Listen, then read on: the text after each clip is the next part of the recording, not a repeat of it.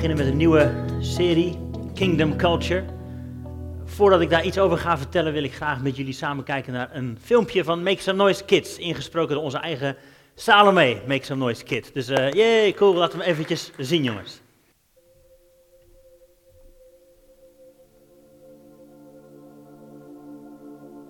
Duizenden jaren geleden was de aarde helemaal leeg. Er was nog niets. De aarde was bedekt met water en het was er helemaal donker. De geest van God waaide over het diepe water.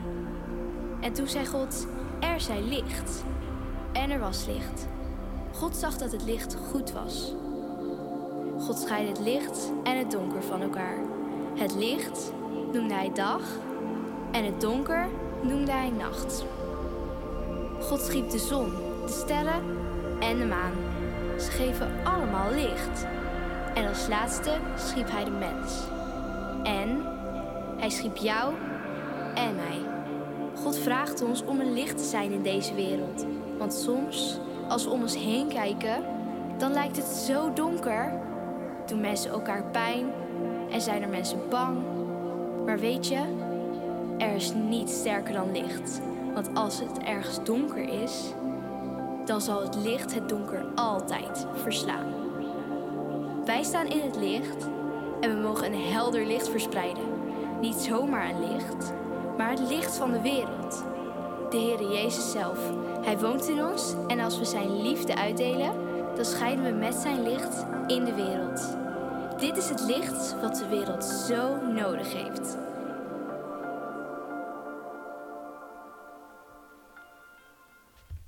Ja, supermooi. Past helemaal ook binnen dit thema waar we mee gaan beginnen. Kingdom Culture. Maar zoals al, we lazen afgelopen paar weken met name Handelingen 1 vers 8. Maar u zult kracht ontvangen. Jezus zegt dat hè, tegen zijn discipelen, net voordat hij opgenomen wordt in de hemel. U zult kracht ontvangen wanneer de Heilige Geest over u komt. En daar hebben we de afgelopen paar weken naar gekeken. Naar de, naar de persoon van de Heilige Geest. Wie is de Heilige Geest? Naar de drie eenheid, weet je nog. We hebben gekeken naar, naar de belofte van de Heilige Geest. Naar de gave van de Heilige Geest. Van de realiteit van zijn aanwezigheid. Van gedoopt worden in de Heilige Geest. Daar hebben we allemaal naar gekeken afgelopen week. Nu is het tijd om door te gaan naar het tweede stukje van dat vers. Er staat, en u zult mijn getuige zijn. Hier in Jeruzalem, in Judea, Samaria, tot aan de einde der aarde. U zult mijn getuige zijn. Een mooie vraag om onszelf regelmatig te stellen. Hoe kan ik getuigen van iets als ik er zelf geen getuige van ben? Hoe kan ik vertellen van de goedheid van God als ik niet ten diepste weet, ja, God is goed. Hoe kan ik vreugde verspreiden als ik niet die vreugde van binnen ervaar? Hoe kan ik uitdelen wat ik niet ontvangen heb? En bij de kick-off van deze nieuwe serie wil ik eigenlijk daar eerst naar kijken. Wat gebeurt er van binnen voordat we naar buiten gaan? We proberen dat vaak te herhalen binnen Connect Kerk. Die drie, die, die drie stap. Het, het komt van boven.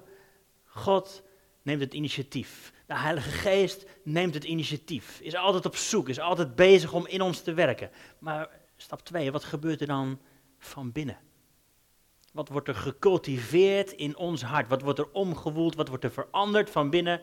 Voordat we naar buiten gaan om het uit te delen. Om inderdaad getuige te zijn van Jezus. Om hier een impact te hebben in deze wereld. Een woord wat telkens weer terugkomt in ons onderwijs is. We zijn geroepen om impact te maken in deze wereld.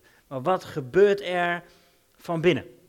We beginnen bij het begin en dat is wat Jezus deed en wat Jezus zei. In Matthäus 4, vers 17 staat het volgende. Vanaf toen begon Jezus te prediken en te zeggen: Bekeer u, want het koninkrijk van God is nabijgekomen. Helemaal aan het begin. Helemaal aan het begin van zijn leven, van zijn boodschap, zegt Jezus dit: Bekeer je. Want het koninkrijk van God of eigenlijk zegt Matthäus hier, het koninkrijk der hemelen is nabijgekomen. Matthäus gebruikt dat een beetje door elkaar. koninkrijk van de hemel, koninkrijk van God is hetzelfde. Betekent niet later pas als we daar naartoe gaan. Nee, het koninkrijk van God is nabijgekomen. En Jezus is, is hier heel duidelijk. Bekeer u. Oftewel, stop met het lopen naar die kant. Stop met op die manier denken, stop met op die manier doen, stop met op die manier kijken en leven en je beslissingen maken. Draai je om en ga op deze manier leven in overeenstemming met de realiteit van God is koning. Dat is waar Jezus ons hier oproept. En een paar versen later staat dit dan. Jezus trok rond in heel Galilea, vers 23. Hij gaf onderwijs in de synagoge en hij predikte het evangelie van het koninkrijk. En hij genas elke ziekte, elke kwaal onder het volk. Het evangelie van het koninkrijk. Het is altijd een leuke, prikkelende vraag om jezelf eens regelmatig te stellen. Wat is nou eigenlijk het evangelie? Vaak hoor je dan, ja, Jezus kwam naar de wereld om te sterven, zodat wij mogen leven met hem. Ja, dat is waar, maar hier gaat het over het evangelie van het koninkrijk. En het evangelie betekent, eh, dat mag je allemaal weten, het evangelie betekent het goede nieuws. Jezus kwam met het goede nieuws van het koninkrijk. Het is goed nieuws dat God koning is. Ik hoorde pas iemand die, die noemde een grote campagne van allerlei atheïsten in het Verenigd Koninkrijk in Engeland. Waarin ze op allerlei bussen hadden laten plakken, zoiets in de strekking als, wees maar niet bang, want God bestaat waarschijnlijk niet. Sinds wanneer is dat goed nieuws? Sinds wanneer, wat voor wereld zijn we beland dat het goed nieuws is dat God waarschijnlijk niet bestaat? Hoe komen we erbij? Wat voor beeld hebben we van God? Wat voor beeld hebben we de wereld gegeven van wie God eigenlijk is? Volgens Jezus is het het evangelie van het koninkrijk. Het is goed nieuws dat het koninkrijk van God dichtbij is gekomen. Wees blij. In Romeinen 14 staat dit over het koninkrijk van God. En ik geloof ten diepste dat dit is waar we allemaal naar verlangen. Het koninkrijk van God bestaat uit rechtvaardigheid, vrede en vreugde in de Heilige Geest. Je wilt weten wanneer het koninkrijk van God doorbreekt, dit zijn de tekenen ervan. Er is gerechtigheid. Dat wat krom is, God maakt het recht. Dat wat fout was, God maakt er iets moois uit. Dat wat dood is, God maakt het levend. Er is rechtvaardigheid. Zoals het bedoeld is, zo maakt God het weer. Gerechtigheid. Dat is het koninkrijk van God. Vrede. Als er iets is waar deze wereld naar verlangt, jij en ik, denk ik iedereen persoonlijk, is het wel de vrede van God.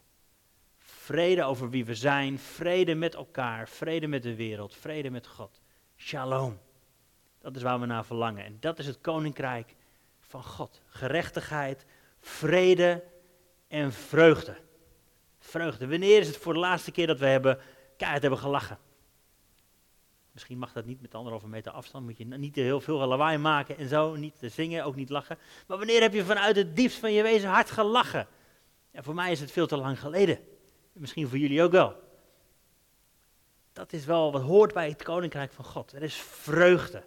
Diepe vreugde. En als dit nog niet is wat je volledig in je leven ervaart, dan is er nog een hoop te winnen. Dan wil God je nog een hele hoop geven. Gerechtigheid, vrede en blijdschap. Vreugde in de Heilige Geest. Dat is het koninkrijk van God. Daar strekken we ons naar uit. Dat mogen we van binnen gaan ervaren. Dit is wat God in ons hart wil brengen.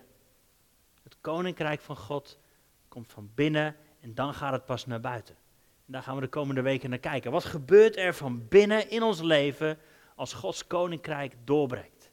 Wat gebeurt er met de cultuur in ons hart? Nou, we hebben een paar jaar met ons gezin in een andere cultuur gewoond. We hebben een paar jaar in Denemarken gewoond, een paar jaar in Engeland gewoond. Daar hebben ze, zal ik je vertellen, een andere cultuur. Daar gaan dingen nou een keer anders. Soms is het heel makkelijk om in mee te vloeien. Soms denk je, waar zijn we mee bezig? Een paar simpele voorbeeldjes. Wij waren in Denemarken op een bijbelschool. En daar hadden ze regelmatig van die themaweken. En die waren altijd leuk, want s'avonds om tien uur, na de laatste dienst, dan was er een koffietafel. Helemaal vol met lekkere koffie en heel veel taart. Dus wij kwamen toen de eerste keer, Heidi en ik, onze kinderen sliepen al, wij kwamen beneden na de laatste dienst en we zagen dat iedereen een bordje pakte en koffie pakte. We dachten, stelletje rare Denen, tien uur koffie, prima, het werkt. Dus wij pakten koffie en een bordje en er stonden allemaal taarten. En Hollanders als wij zijn, wij gingen natuurlijk kijken, wat is de lekkerste taart, want dan nemen we daar een stukje van. Dus wij kozen, uh, we waren een beetje aan het kijken. En voor ons waren allemaal Denen, die pakten koffie en een bordje. En die deden helemaal niet of-of, die deden en-en. En een stuk van die taart, en een stuk van die taart, en een stuk van die... Zo kan het ook. Andere cultuur. In Nederland zijn we gewend aan één koekje of één taartje. Andere cultuur. Denemarken, we doen en-en, er is genoeg, we genieten ervan. Ja, dat is een klein voorbeeldje, maar zo werken dingen in een andere cultuur. Iets anders, in Engeland hebben we ook gewoond, toen kom je er in één keer achter dat Nederlanders, wij zijn lomp. Weet niet of je dat wist van jezelf, maar hierbij een openbaring over wie jij bent. Jij bent best lomp, wist je dat? Wij zijn Hollanders en wij hebben een mening en iedereen heeft recht op onze mening. Iedereen mag weten wat wij vinden. En dat heb je helemaal niet door als je in Nederland woont. Want ja, zo zijn we nou eenmaal en het werkt gewoon. Hup, iedereen weet meteen waar hij aan toe is. Maar in Engeland is dat anders. Daar zijn ze veel beleefder. Daar kwamen we toen achter, toen wij lieten merken wat we van dingen vonden. Dat, dat was in één keer schokkend voor ze. En zonder nou te zeggen wat goed of fout is, daar gaat het niet per se om. Het is wel anders. Het is een andere cultuur. En dingen gaan daar dus in één keer anders. En dan moet je opletten. Maar zo werkt het eigenlijk ook met het koninkrijk van God. Dit is wat uh, de dikke Vandalen zegt. Cultuur is het geheel van normen, waarden, tradities, regels, kunstuitingen, gewoonten enzovoort enzovoort van een land, volk of groep. Het geheel van normen, waarden, tradities, regels enzovoort van een land, volk of groep. Dat is wat een cultuur is. In mijn simpele woorden, daar hou ik van. Het is een complete manier van zien, zijn en doen. Dat is de, een cultuur. Dat is wat een cultuur is. Dat hebben we hier in Nederland zo ontwikkeld met elkaar. De Nederlandse cultuur, wat het dan ook precies is. Maar uh, een manier van zijn, zien en doen. En nou is de uitnodiging voor jou en mij om te verhuizen van de Nederlandse cultuur naar de cultuur van het koninkrijk van God. Dat is een andere cultuur. Dat is de hemelse realiteit. De cultuur van het koninkrijk van God mag baanbreken in ons hart. Ons hart mag gecultiveerd worden, oftewel omscheppen, omploegen, vruchtbaar maken, stenen uit. Ons hart mag omgeploegd worden, zodat de cultuur van het koninkrijk plaats krijgt in ons leven. Zodat we van binnen veranderen. Opdat we inderdaad, wat Handelingen 1 zegt, we kunnen dan pas getuigen zijn. We kunnen vertellen over wat we meegemaakt hebben. Weet je dat God een God van vrede is? Want dit heeft hij in mijn hart gedaan. Weet je dat God de God van genezing is? Want dit is er bij mij gebeurd. Weet je dat God vreugde geeft? Want dit is de vreugde die ik ervaar. Maar we kunnen niet tegen elkaar zeggen: jij moet een getuige zijn, jij moet de straat op, jij moet evangeliseren, als je dat van binnen niet hebt meegemaakt.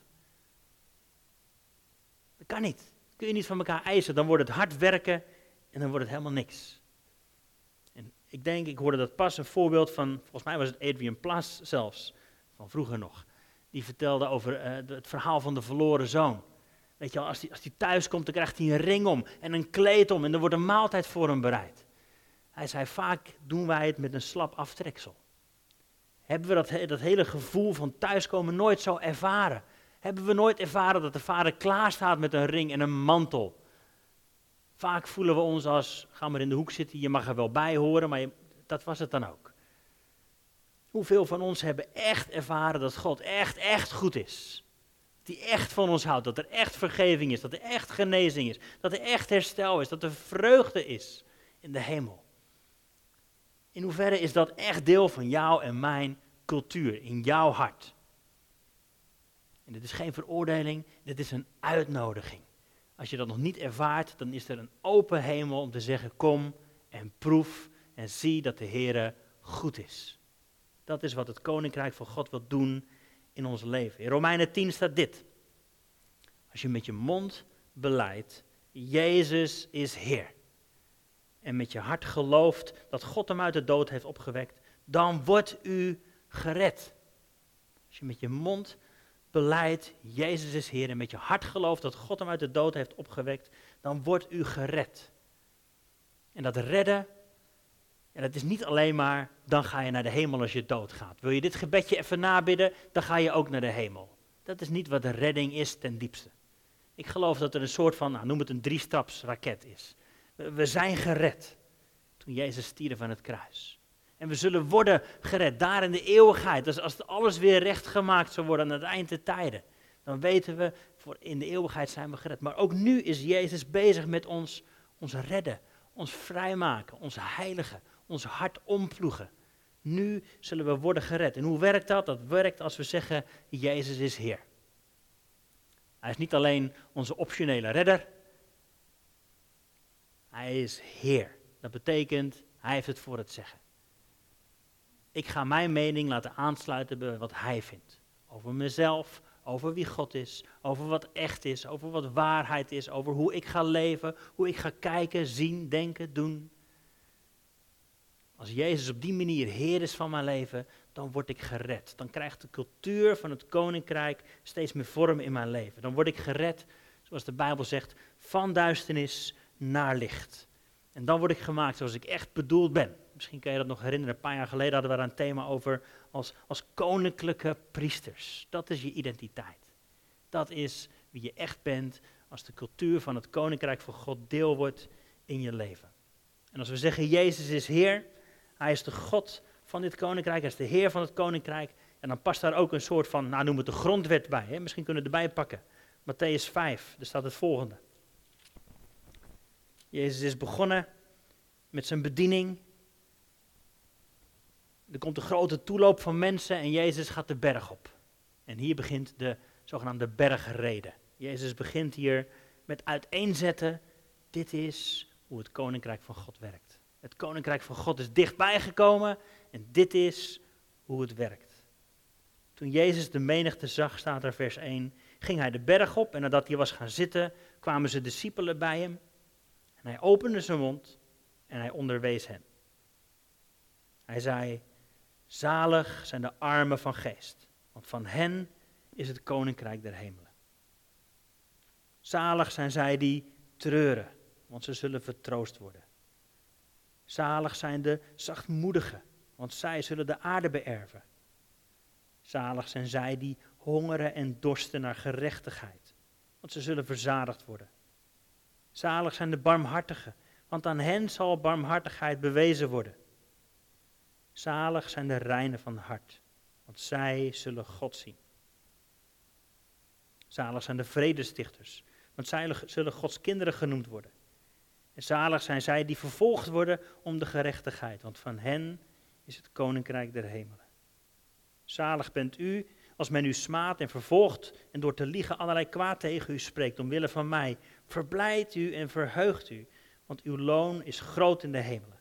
Want zo hebben ze de profeten vervolgd die er voor u geweest zijn. Dit is onder andere, je moet het maar verder lezen thuis, hoofdstuk 5, 6, 7, een introductie in de cultuur van het koninkrijk. Dit is in Gods ogen normaal. En onze Nederlandse cultuur, onze westerse cultuur, is niet normaal. De grootbekken hebben het niet voor het zeggen. Alle mensen die trots en hoogmoedig zijn, niet mee in het koninkrijk van God. Dit is wat God zegt, dit is normaal. En we zijn zo ondergedompeld en natuurlijk opgegroeid in onze cultuur, in onze westerse cultuur, dat wij denken dat wat we hier meemaken normaal is. Dat het normaal is om te vechten voor je plek. En trots te zijn en altijd de beste te willen zijn en, en te heersen. Maar Jezus zet het op zijn kop en zegt, nee, nee, dit is wat normaal is. Een andere cultuur dan onze cultuur. En dan is aan jou en mij de vraag, wat doen we daarmee? Wat doen we met die culturen? Gaan we af en toe, net zoals je dat met vakantie wel eens doet, gaan we af en toe op vakantie naar de, de cultuur van het Koninkrijk van God? Op zondag of, of af en toe als we onze Bijbel lezen of met onze connectgroep samenkomen, gaan we dan op vakantie naar die cultuur? En daarna weer terug naar huis? Dat is wel realiteit voor ons, merk ik aan mijn eigen leven ook vaak. Ik weet wel dat die cultuur er is en dat die mooi en belangrijk en goed is en dat je ernaar wil kijken. Maar wonen we daar ook? Of, en ik geloof dat dat is wat onder andere bedoeld wordt in Handelingen 1 vers 8, of zijn we ambassadeurs van dat koninkrijk? Zijn we ambassadeurs van die cultuur? Is dat onze eigenlijke vaderland? En zijn we vertegenwoordigers van die cultuur hier in Nederland? Ja, toevallig hier in Nederland, ja, daar wonen we nu. Ons paspoort komt uit de hemel. We zijn hemelburgers. We zijn deel van een andere cultuur. we zijn ambassadeurs van die cultuur hier in Nederland. En dat wat we hebben geproefd en meegemaakt en ontvangen, dat delen we weer uit aan de, aan de mensen om ons heen. Daar zijn we getuigen van. We zijn getuigen van, van wat we gezien en geproefd en gesmaakt en meegemaakt hebben. Daar zijn we getuigen van. Dat betekent niet dat we op een sinaasappelkistje hoeven te staan, maar we zijn getuigen van en we delen uit van wat we ontvangen hebben. Van Gods vrede, gerechtigheid, vreugde, herstel, genezing. Dat is waar we getuigen van mogen zijn. Dat is wat we mogen uitdelen. We zijn ambassadeurs. Misschien is dat goed om de volgende keer dat je die tekst leest op die manier te lezen. Je zult kracht ontvangen wanneer de Heilige Geest op je komt en je zult mijn ambassadeur zijn. Hier is je paspoort. Je bent een ambassadeur van het Koninkrijk van God. En net als Paulus mag je natuurlijk je Nederlandse paspoort gebruiken om, om gebruik te maken van al je voorrechten om ambassadeur te zijn van dat koninkrijk. Net zoals Paulus dat zei, weet je nog? Ik beroep me op de keizer. Hij was een Romeins staatsburger en hij had het recht daartoe. En dat kunnen wij ook doen. Op onze manier in Nederland kunnen we onze plek gebruiken om te zeggen: Dit helpt mij om een ambassadeur te zijn van het koninkrijk. Maar allereerst zijn we burgers van het koninkrijk van God. Hoe breekt dat koninkrijk door in jou en mijn leven? Ik wil het een beetje gaan afronden. Hoe zien we die koninkrijkscultuur steeds meer terug in ons leven? Hoe kunnen we anders zijn, zien en doen? Hoe kunnen we getuigen, van, getuigen zijn van wie God is, zodat we naar buiten toe een ambassadeur, een getuige kunnen zijn? Want wat we laten zien in ons leven, dat getuigt nou eenmaal van wat ons godsbeeld is. Aan de manier waarop wij God aanbidden, bijvoorbeeld, om maar eens een dingetje te noemen, aan de manier waarop wij God aanbidden, laten we zien wat ons beeld van God eigenlijk is. Als we God op deze manier een beetje aanbidden, dan laat dat iets zien over waar we getuigen van geweest zijn. Wat voor klein stukje van God we eigenlijk maar gezien hebben. Als we op die manier God aanbidden. Terwijl als ik, denk, als we God echt zien zoals die echt is, dan aanbidden we hem anders. Aan de manier waarop we bijvoorbeeld met ons geld of onze tijd omgaan. Laten we zien waar we getuigen van geweest zijn. God heeft zoveel meer om te laten zien. Betekent dat we oude dingen moeten loslaten. De oude cultuur laten we los en we gaan steeds meer kijken naar de God van het koninkrijk. En die zien we als we naar Jezus kijken. Amen. Tot zover. Marcel. Yes, dankjewel Oscar. Dankjewel. Steeds meer op Jezus gaan lijken. En hem gaan kijken. Dat is, dat is wel een mooie. Als je daar ehm, eh, over nadenkt. En wat je zegt, proberen steeds meer op Jezus te gaan lijken. En ook om daarmee het beeld van God te laten zien. Als je daarover hmm. nadenkt, het, het, beeld wat we ook van God hebben vanuit het Oude Testament, dat is, dat is vaak zo, zo anders dan het beeld wat we van Jezus hebben. Omdat we, nou ja, hmm. de God in het Oude Testament, we kennen de verhalen misschien uit, uit de Bijbel, ja, zo heftig het net over hebt, Psalm 7 geloof ik, dat je noemde, ja. ah help. Ja. Ja. Ja, ja. wat is het, hoe moeten we dat hoe moeten we dat zien dan? Hmm. Ik geef je even een paar seconden maar over, over na te denken. Dank je. Dank je. en wat ik al eerder aangaf, we vinden het te gek als er ook vragen vanuit, uh, vanuit de zaal komen of vanuit, vanuit thuis. Uh, dit is ook het moment dat je je vraag door kunt geven via de chat. Uh, als Oscar deze vraag heeft weten te beantwoorden, dan wil ik dan ook de ruimte geven hier in de zaal om je vraag te stellen. je mag gewoon even je hand op, opsteken en dan dan zal ik even aangeven, ik zal uiteindelijk de vraag zal ik vertalen, we hebben een microfoon, maar ik zal de vraag nog een keer even opnoemen, zodat de mensen thuis ook de vraag goed kunnen horen. Of wat te gek vinden om er een interactief stuk van te maken. Schroom niet, na deze vraag die die antwoord heeft, is er ruimte alvast voor de zaal en later ook vanuit de, de livestream. Dus geef het via de chat door. Mooi, ja. De God Voldoende het, tijd? De God van het Oude Testament en het Nieuwe Testament. Ja, ja die lijken soms tegenover elkaar te staan. Een hele reële vraag. En ik denk dat dit, dit te kort is om, om daar recht aan te doen, aan alle facetten van, van die vraag. Mhm. Ehm, maar ik, wat mij helpt, um, is, is om vast te houden eigenlijk aan hoe het Nieuw Testament Jezus beschrijft. Wat ik net voorlas in Romeinen 10, als we beleiden Jezus is Heer, mhm. dan zeggen we nogal wat. Ja. Daarmee zeggen we eigenlijk, Jezus is God. En ik kom er vaak bij terug en ik wil het ook nu weer herhalen. Als je wilt weten wie God is, dan moet je naar Jezus kijken en die gekruisigd. Als je wil weten wie jij bent, dan moet je naar Jezus kijken en die gekruisigd. Dat is uiteindelijk waar we naartoe willen gaan. Um, volgens de Bijbel zegt ook, Jezus is de afstraling van Gods heerlijkheid. De afdruk van zijn wezen. Dus dat is uiteindelijk, nogmaals, als je wil weten wie God is, kijk naar wie hij is. Hmm. Johannes zegt het zelfs in, in, zijn, uh, in zijn boek. Um, niemand heeft ooit God gezien. zegt hij. Nou, dat is nogal een claim, hè? Als we het hebben over Abraham, Mozes, David, noem maar op, alle profeten van vroeger. Hij zegt, joh, maar niemand heeft hem ooit gezien. Hij, maakt, eh, hij overdrijft om een punt te maken, zeg maar. Niemand heeft hem ooit gezien. Maar nu we Jezus hebben gezien, hij heeft hem echt bekendgemaakt. En dat is wel een houvast. En dat betekent niet dat ik raad weet met alle moeilijke teksten in het Oude Testament. Eh, dat is soms nog best wel een, struggle. Zegt voor mij ook wel iets over uh, hoe mensen in het Oude Testament God beschreven. Ja, dat is niet zo heel veel anders dan bijvoorbeeld de mensen die Amerika gingen innemen. Die zeiden ook, God heeft ons geroepen om dit en dat te doen. Ja, dat heeft hij helemaal niet gedaan. Dat was hun eigen idee en ze hebben daar God overheen geplakt. Dus da daar raakt het ook wel een beetje, denk ik. Um, en soms is het ook gewoon een mysterie. Maar ja, noem, het, noem het op deze manier. Als je het Oude Testament gaat lezen, lees het door de lens van het kruis. Mm -hmm. ja. Nou, zo, zoiets. Nogmaals, ik denk dat het een goede is om, om wat langer over door te, ja. te kletsen. Maar dit is wel een, uh, voor mij helpt dit. Een mooi boek daarbij, trouwens, van Brad Jersek. Dat heet Zo zoon, zo vader. Dat gaat daar helemaal over. Als je wil weten wie de vader is, kijk naar de zoon. Ja, oh, gratis, gratis tip. Ja, dat is wel een mooi beeld wat je zegt. Van lees het Oude Testament door, door de lens ja. eh, van het evangelie van, van Jezus. Om ja. uiteindelijk echt ook de vader nog beter te leren kennen. Pas hebben we met onze kids, eh, lijkt daarop, de serie Sherlock weer eens gekeken. Ik weet niet of je die gezien hebt, Netflix, aanrader. Uh, en daar gebeurt helemaal aan het eind iets, waardoor je denkt, oh verrek, in aflevering 1 gebeurde dit, maar oh, dat heeft daarmee te maken. Dus heb je natuurlijk tal van films. Door het eind snap je het begin. Ja. Nou. De connecties tussen die twee. Ja. Dankjewel. Dankjewel. Mooi. Is er iemand uit de zaal die, die het leuk vindt om een vraag te stellen? Ja, ik zie achterin. Ja, ik, ik was wel benieuwd. Uh, je vertelde, Oscar, over de verschillen uh, tussen dat hemelskoninkrijk en de cultuur daar en, uh, en de Nederlandse, de westerse cultuur hier. Hmm. Ik was wel benieuwd naar wat in jouw leven nou zo'n, um, ja, een van die verschillen die je misschien of het meest getroffen heeft. of een verschil waar je zegt, nou dat is eigenlijk het grootste, belangrijkste verschil tussen die twee in mijn eigen leven, wat ik heb ervaren.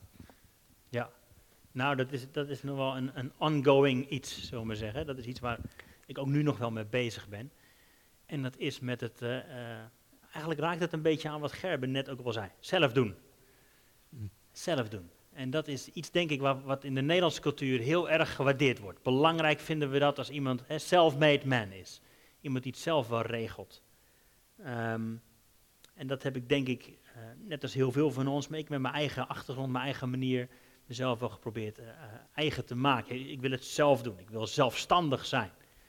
Uh, mijn eigen mening vormen, maar ook alles zelf wel regelen. Dus van, van, van eigenwaarde tot hoe ik overkom bij andere mensen, dat heb ik allemaal zelf in de hand.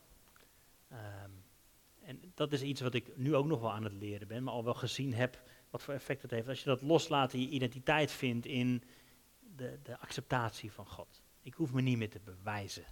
Dus dat, dat hele uh, opgeblazen gevoel van ik moet het zelf doen als anderen mij maar belangrijk vinden, dat vooral. Uh, mijn imago tegenover identiteit. En dat is denk ik een uh, groot ding wat in mijn leven aan het veranderen is, steeds meer. Dat is denk ik ook een grote tegenstelling tussen uh, onze cultuur vindt imago belangrijk. Ik kijk alleen maar alle TikTok, YouTube, weet ik veel wat voor filmpjes over wie je nou echt bent. Ja, dan zijn we eigenlijk hartstikke onzeker als Hollanders. En ik geloof dat dat het cadeau is wat God ons wil geven. Je zekerheid vinden en je identiteit zal dan wel. Dat. Ik hoop dat dat uh, helpt. Dankjewel. Mooie vraag. Dankjewel. Ja. Nog een andere vraag. Ja. Uh, zo ontzettend mooi over de Koninkrijk uh, van God. Um, en de laatste opmerking die je maakte over zo vader, zo zoon. Hmm. wat mij altijd intrigeert is dat Jezus zei, ik doe niets anders dan alleen datgene wat ik vader zie doen. Hmm. Um, en het haalt het twee keer zelfs. Maar nou de praktijk. Wij maken onderdeel van zijn lichaam uit, van Jezus. Um, en hoe kunnen wij nou zien wat, wat zij doen, zodat wij het ook gaan doen? Hmm. Praktisch. Mooie vraag, Tom. Dankjewel. Hoe kunnen we zien wat de vader doet, zodat wij het kunnen gaan doen? Ja, mooi. Um, David had hier vorige week ook een soort van uh, een lijstje, geloof ik, hè, met vijf CS'en. Ja, ik kan ze niet meer allemaal oplepelen. Um, uh, scripture natuurlijk hoort erbij. Wat, wat staat er in de Bijbel? Dat is denk ik een hele uh, bekende. Uh, daaraan weet je, wat zou Jezus gedaan hebben? Dat staat beschreven in heel veel situaties, dit is wat hij gedaan heeft. Um, dat hoort daarbij. Een andere um, vind ik ook wel een mooie en tegelijk ook een spannende. Wat zeggen de mensen om je heen? Hij noemde dat de Council of the Saints. Dus wat, wat zeggen de mensen om je heen? Wat voor, input geven andere mensen? Hoe, wat voor voorbeelden heb je in je leven? Mensen die al een poos met God optrekken, uh, dat helpt daar enorm bij. Ik weet dat, uh, dat was voor ons een van de belangrijkste redenen bijvoorbeeld om naar Engeland te verhuizen. Omdat we daar mensen kenden waarvan we zoiets hadden, ja wat jij hebt met God, dat wil ik ook. Dus mensen uh, op die manier bekijken, observeren, je laten mentoren, dat is een superbelangrijke. Um, dat, dat zijn een paar dingen die helpen. Plus, uh, en dan kom ik ook weer terug op wat Gerben net zei, zijn stem leren verstaan. Uh, de Bijbel is er eigenlijk heel simpel over. Hè? Zijn schapen kennen zijn stem. Um, maar voordat je die stem echt inderdaad gaat herkennen uit al die andere stemmen, ja, dat kost tijd en uh, op die manier ervaring opdoen. Dus ik hoop dat dat een beetje helpt, Tom. Dankjewel. Mooi. In, in, in het begin van je preek noemde je van ja, de vreugde en de vrede ja. eh, die je hebt in je leven, of die, die geweldig is als je dat zo ervaart. Maar als je dat niet ervaart, dan wordt het best lastig ook om dan de stem van de vader te verstaan. Hmm. Hoe, hoe kun je daar goed mee omgaan? Dat je dat probeert opzij te zetten of door je struggles heen Ja, daarin zijn stem dan te horen. nou, dat is een mooie. Ik denk een van de valkuilen waar ik regelmatig intrap is als ik even die vrede eh, niet ervaar, is dat ik me, mezelf ga onderdompelen in een soort van beschuldiging. Zie je wel, je doet het niet Mm. goed, zie je, je bent niet goed genoeg. Claim op jezelf leggen. Ja, ja. Eh, en wat, wat wij vroeger, hij die ook wel eens deed, eh, een soort van cd'tje aanzetten met, met vroeger had je nog cd'tjes. Ehm, met, met bijbelteksten over dit is wat God over je zegt. En daar moet je telkens weer op terugkomen. En dat is het enige wat helpt, denk ik. Je aansluiten bij dit is wat God over je zegt. Ehm, en in, daarin zul je uiteindelijk weer vrede ervaren, denk ik. Hoe lastig dat ook soms ook is, maar dat helpt om weer te beseffen van, oh ja, ik denk zo over mezelf, maar God zegt het. Ik vind Ja. mezelf eh, lastig, maar God houdt van mij. Ik Ja. mezelf lelijk, nee, God heeft Ja. me gemaakt naar zijn beeld. Om Ja. zijn cultuur in je eigen leven Ja, gaan en dus daarmee ook wel een soort van eh, eigenaarschap over je eigen gedachten en je gevoel. David zegt het regelmatig. Mijn ziel looft de Heer. Mhm. Oftewel, ik zet je nu op de pauzeknop. Ik weet dat je daarmee bezig bent. En je gedachten gaan alle kanten op. Maar stop en nu gaan we dit doen. Of een ander voorbeeld. David, hij, hij bekrachtigde, bekrachtigde zichzelf in de Heer. Ja, Hij sterkt zichzelf in de Heer. Nou, dat zijn dingen die we mogen leren. Ja. het is gewoon als een, een bewuste keuze maken op dat moment van, oké, ja, ik- hoe lastig het ook is, ik ga dat even opzij zetten, wat je noemt, hè, pauze, ja. om dat, die beker iets, te ja. drinken met. Iets in je denken inderdaad. Hè? Dat Ja. is waar, waar de Bijbel ons toe oproept. Bekeer je, dus metanoia. Ga anders denken. Ja. Ja, als je je, je denken gaat veranderen, is je leven totaal anders. Ja. Ja, mooi. Mm. Is er nog een vraag vanuit, eh, vanuit de zaal? Hey, ehm, je noemde onder, onder andere ook eh, de drietapsraket hè, Hmm. naar gered worden.